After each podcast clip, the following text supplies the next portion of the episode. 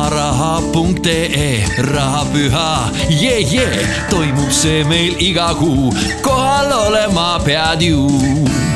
omaraha.ee tegemist on finantsteenusega, tutvu tingimustega ja pea nõu asjatundjaga. Kuku Raadios välja öeldud seisukohad ei pea ühtima Kuku Raadio seisukohtadega. Te kuulate Kuku Raadiot.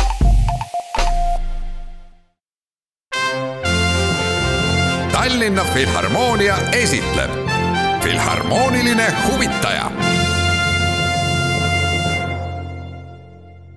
tere päevast, head kuulajad Tallinna Kammerorkester tähistab sel aastal oma kahekümne viiendat sünnipäeva ja nagu ikka, pakutakse sünnipäeval ainult head ja kõige paremat. nii on ka tulemas mitmeid väga häid kontserte ja juba sellel reedel, teisel märtsil on teil võimalus minna Mustpeade Maja Valgesse saali ja seal esineb Kristjan Randalu, mul on väga hea meel öelda tere tulemast Kukusse. tere tulemast. äsja oli Eesti sünnipäev, kuidas te tähistasite? Äh, mina tähistasin konkreetselt äh, mängides äh, kontserdil, seal oli mitu kontserti järjest Berliini kontserdimajas koos Kristjan Järviga ja niimoodi möödus see niimoodi peo meeleolust töiselt millega te praegu üldse tegelete, mis on need kõige tähtsamad teemad? no minu jaoks hetkel kõige aktuaalsem ja tähtsam teema on äh, seoses uue plaadi ilmumisega, mis ilmub aprillikuus äh, ja noh, see oli selline, ma võiks tõesti öelda, paarikümne aasta ettevõtmine. et plaadi nimi on Absence ja see ilmub siis esmakordselt ECM äh, Recordsi plaadifirma all ja noh, see oli selline minu jaoks tähtis asi ära teha paarkümmend aastat. no ma tõepoolest leidsin oma nagu memuaaridest mingid esimesed nagu mõtted ja ka konkreetsed äh, plaanid ja niimoodi, et äh, kus see mõte sai fikseeritud. no muidugi mitte nüüd see muusika, mis lõpuks jõudis plaadile, aga see, ütleme see ettevõtmine küll, jah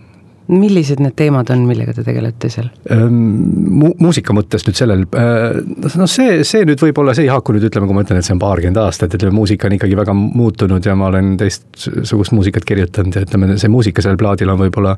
mõned aastad vana see ei ole nüüd ühise nimetaja all selline programmiline muusika, et ma võin öelda, et see räägib nüüd äh, mis iganes lumetormist, mis praegu õues on. et äh, see on ikkagi pigem abstraktsem muusika, muidugi on seal igal lool endal mingid isiklikud seosed ja muidugi võib midagi ka tuletada nendest pealkirjadest, aga aga millega, ma arvan, see on nagu üleüldisem küsimus, millega muusikas tegeleda, ma arvan ikka põhimõtteliselt mingisuguse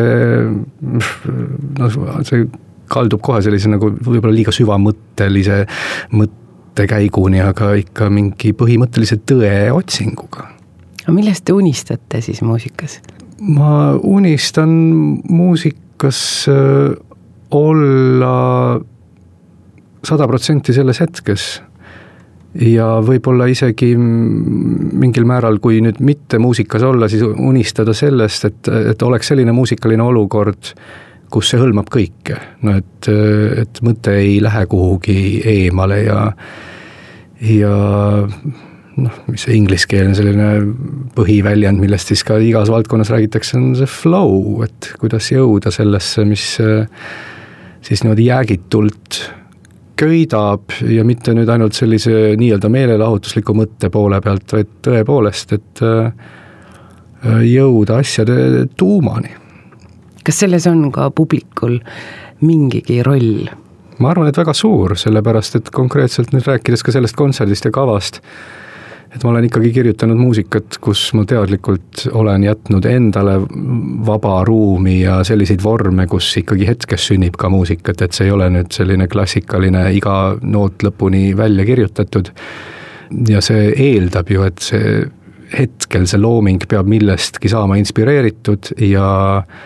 ma arvan, et publiku panus või publiku tunnetamine selles hetkes on, on väga tajutav ometi te olete öelnud, et improvisatsioonil on ka siiski kindlad raamid, et see on selline väga vastuoluline mõte, et see ei ole päris nii, et see läheb lõputult lendama, vaid alati on ju miski, kuhu te tahate välja jõuda. no selles mõttes, et, et raamid tekivad automaatselt, isegi kui raame ei ole ja mängida üks noot ja mängida juba järgnev noot, siis see juba selle kahe noodi mingi seos tekitab juba iseenesest mingi raami, et Äh, aga see ei tähenda tingimata, et see, kuhu välja jõutakse, peab olema ette kindlaks määratud. aga isegi kui seda raami ega mingit plaani ei ole, siis näiteks kui seda salvestada ja pärast kuulata, siis tahes-tahtmata see raam ja mingi tervik tekib et seda ei saa eitada, lihtsalt see, see lõpuks on see tulemus. kas on ka nii olnud, et on sedavõrd nukker või, või mitte teiega ühel lainel olev publik olnud, et te pärast olete pettunud selles, mis sündis siis selles muusikas? no see võib olla väga petlik, sest ütleme ka publik temperament võib olla väga erinev, see võib olla ka piirkonniti väga erinev või erinevates maades väga erinev, et ja samuti ei tohi lasta ennast võib-olla häirida mingitest üksikutest kuulajatest, et võib-olla, et tegelikult on positiivne publik, aga e-, esireas istub keegi jalg üle põlve ja mossitab seal ja siis kogu, siis need ei tohi minna mängides mõte sinna, et mis tal viga on aga ma konkreetselt, see ei olnud küll minu kontsert, ma mängisin kaasa. aga oligi selline olukord, et hea kontsert oli ja publik oli väga no meeleolukas ja see oli konkreetselt Prantsusmaal ja ja oligi selline juhtum, kus esireas istus üks inimene kuidagi käed niimoodi ristis ja niimoodi ei plaksutanud, mitte midagi ei teinud, ma, ma läksin pärast tema juurde, ütlesin no vabandust, et nagu mind nagu siiralt huvitab, et kas nagu, no miks te siia tulite ei ta oli ei, ei, et ma tahtsin seda kuulata ja, ja väga hea kontsert oli ja nii, aga lihtsalt noh, kui sa laval oled või no mitte mängides tingimata, aga vahepeal ikka noh, noh, siis peab teadlikult kuidagi selle luugi nagu kinni panema või no ei tohi, tohi lasta siis pilgul niimoodi uitama minna ja siis noh, muidugi iga selline asi registreerub no no mägede puhul seda probleemi vist ei ole, et keegi istub tuima näoga esireas. Mm, mis mõttes ei, ma mõtlesin see, kui te mängisite seal Chamonix mägedes Prantsusmaal. no ei, no see oli, see oli hoopis eriolukord, see oli väga spontaanne asi, sest tegelikult enne seda toimus kontsert publikuga ja siis hakati juba kogu seda tehnikat ja kõike maha võtma ja siis need kaameramehed, kes kohapeal olid, nendel tuli selline ma ei tea, poolspontaanne idee, et teeme veel sellise, et kas tahaksid sa midagi salvestada niimoodi, et teeme selle video ja nii, nii see sai tehtud, et see see noh, see, see polnud üldse mingi eraldi ettevõtmine. head kuulajad, ma pean siinkohal ütlema, et eh, kui teil vähegi on tahtmist ja huvi, siis otsige internetist Kristjan Randalu silmast silma Šamanii mägedes, väga, väga tore vaatamine ja muidugi kuulamine. Kristjan, kas muusikal on rahvust? Muusikal kui sellisel ma ütleks ei ole, aga muusika saab olla rahvuslik.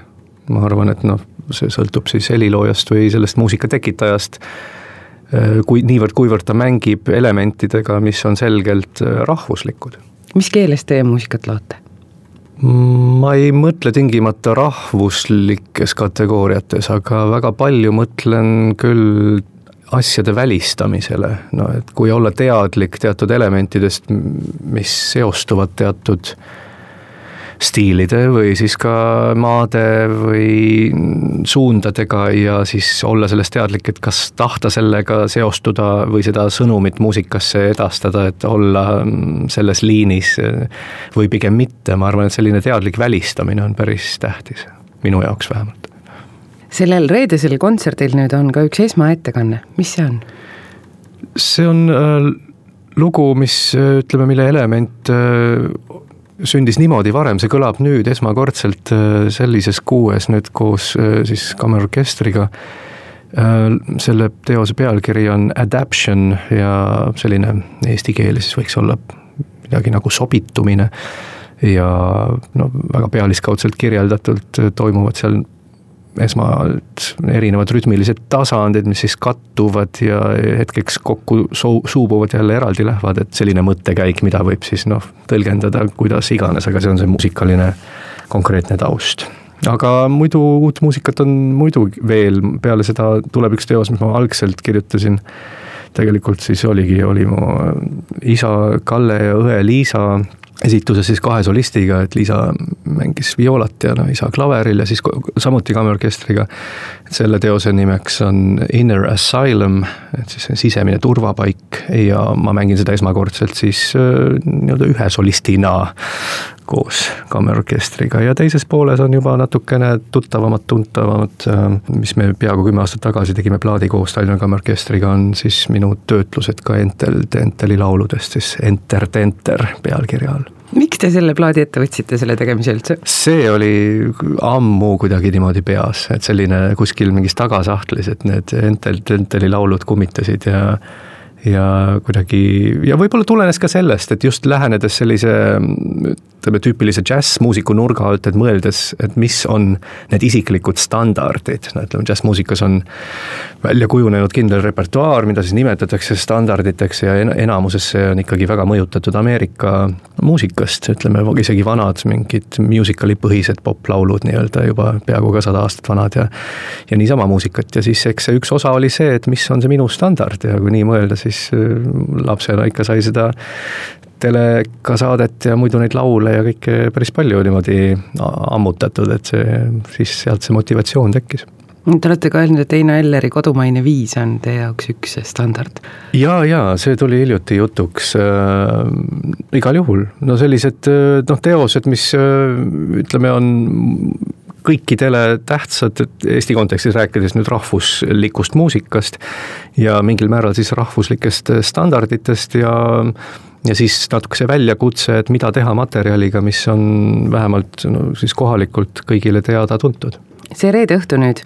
mida te ootate sellelt kontserdilt? no see on minu jaoks esmakordne kontsert, see on kontsert kahe poolega selles mõttes, et ma no kui nüüd mitte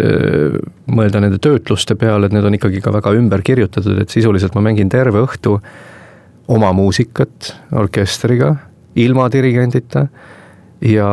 no see ei ole ka selline klassikaline formaat, et orkester kõigepealt mängib mingi avaloo ja siis tuleb solist, mängib kontserdi ja teises pooles on, ütleme siis sümfoonia või midagi. see on terve õhtu, on ütleme just see üks kõlapilt, kui nii võtta, et klaver ja keelpillid ja kõik ikkagi väga lähtudes no minu algsetest mingitest muusikalistest valikutest, et et pole, pole enne niimoodi, ütleme muusikat olen orkestriga tihti mänginud ja nii, aga see on alati olnud siis mingi osa mingist tervikust, aga teha selline tervik, et see on esmakordne. ja see on põnev väljakutse ja ma siis mingil määral huviga ootangi, et kuidas see nagu energeetiliselt iseendale ka mõjub või kuidas see dramaturgiliselt mõjub, ütleme, kui see esimene pool on pigem sellist uuemat muusikat ja siis teises pooles need töötlused, et äh, noh, see on selline väga teadlik ka kaheks äh, jaotamine selle kava mõttes, aga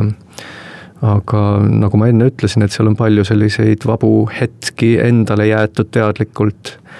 ja siis eks iga õhtu on selles mõttes huvitav või põnev, et kuidas see hetk ennast kõnetab ja mis siis sünnib. selleks peab ka kammerorkester olema teile väga hea partner, et neid seda palju usaldada no aga seda nad ongi, eks ma arvan, et selline aeg tuleb seal ka kasuks, isegi selleks ei pea iga päev koos mängima, aga kui ikkagi mööduvad aastad ja ikkagi korduvalt on koos muusikat tehtud, et siis tekib selline alateadlik usaldus igal juhul. Ja mingil määral isegi see, kui mängida koos orkestriga ilma dirigendita, lisab veel sellist no rohkemgi vastutust või usaldust või et ütleme noh, minu arust selle asja positiivne külg võib olla, no on muusikat muidugi, mis ilma dirigendita ei võiks toimida, aga muusika, mis toimib, on, et keegi ei saa nii-öelda lihtsalt hetkekski tähelepanu kuidagi kõrvale jätta ja siis usaldada, et küll keegi seal ees jälle näitab, kust ja kuidas, vaid äh, igaüks on vastutav heas mõttes. Nii et kui te soovite sellest kõigest osa saada, siis sel reedel kell seitse Mustpeade Maja Valges saalis. Kristjan Randalu ja Tallinna Kammerorkester. Suur,. suur-suur aitäh teile tulemast ja ma soovin, et see tuleks heast energiast laetud õhtu. Aitäh Tallinna Filharmoonia esitleb Filharmooniline huvitaja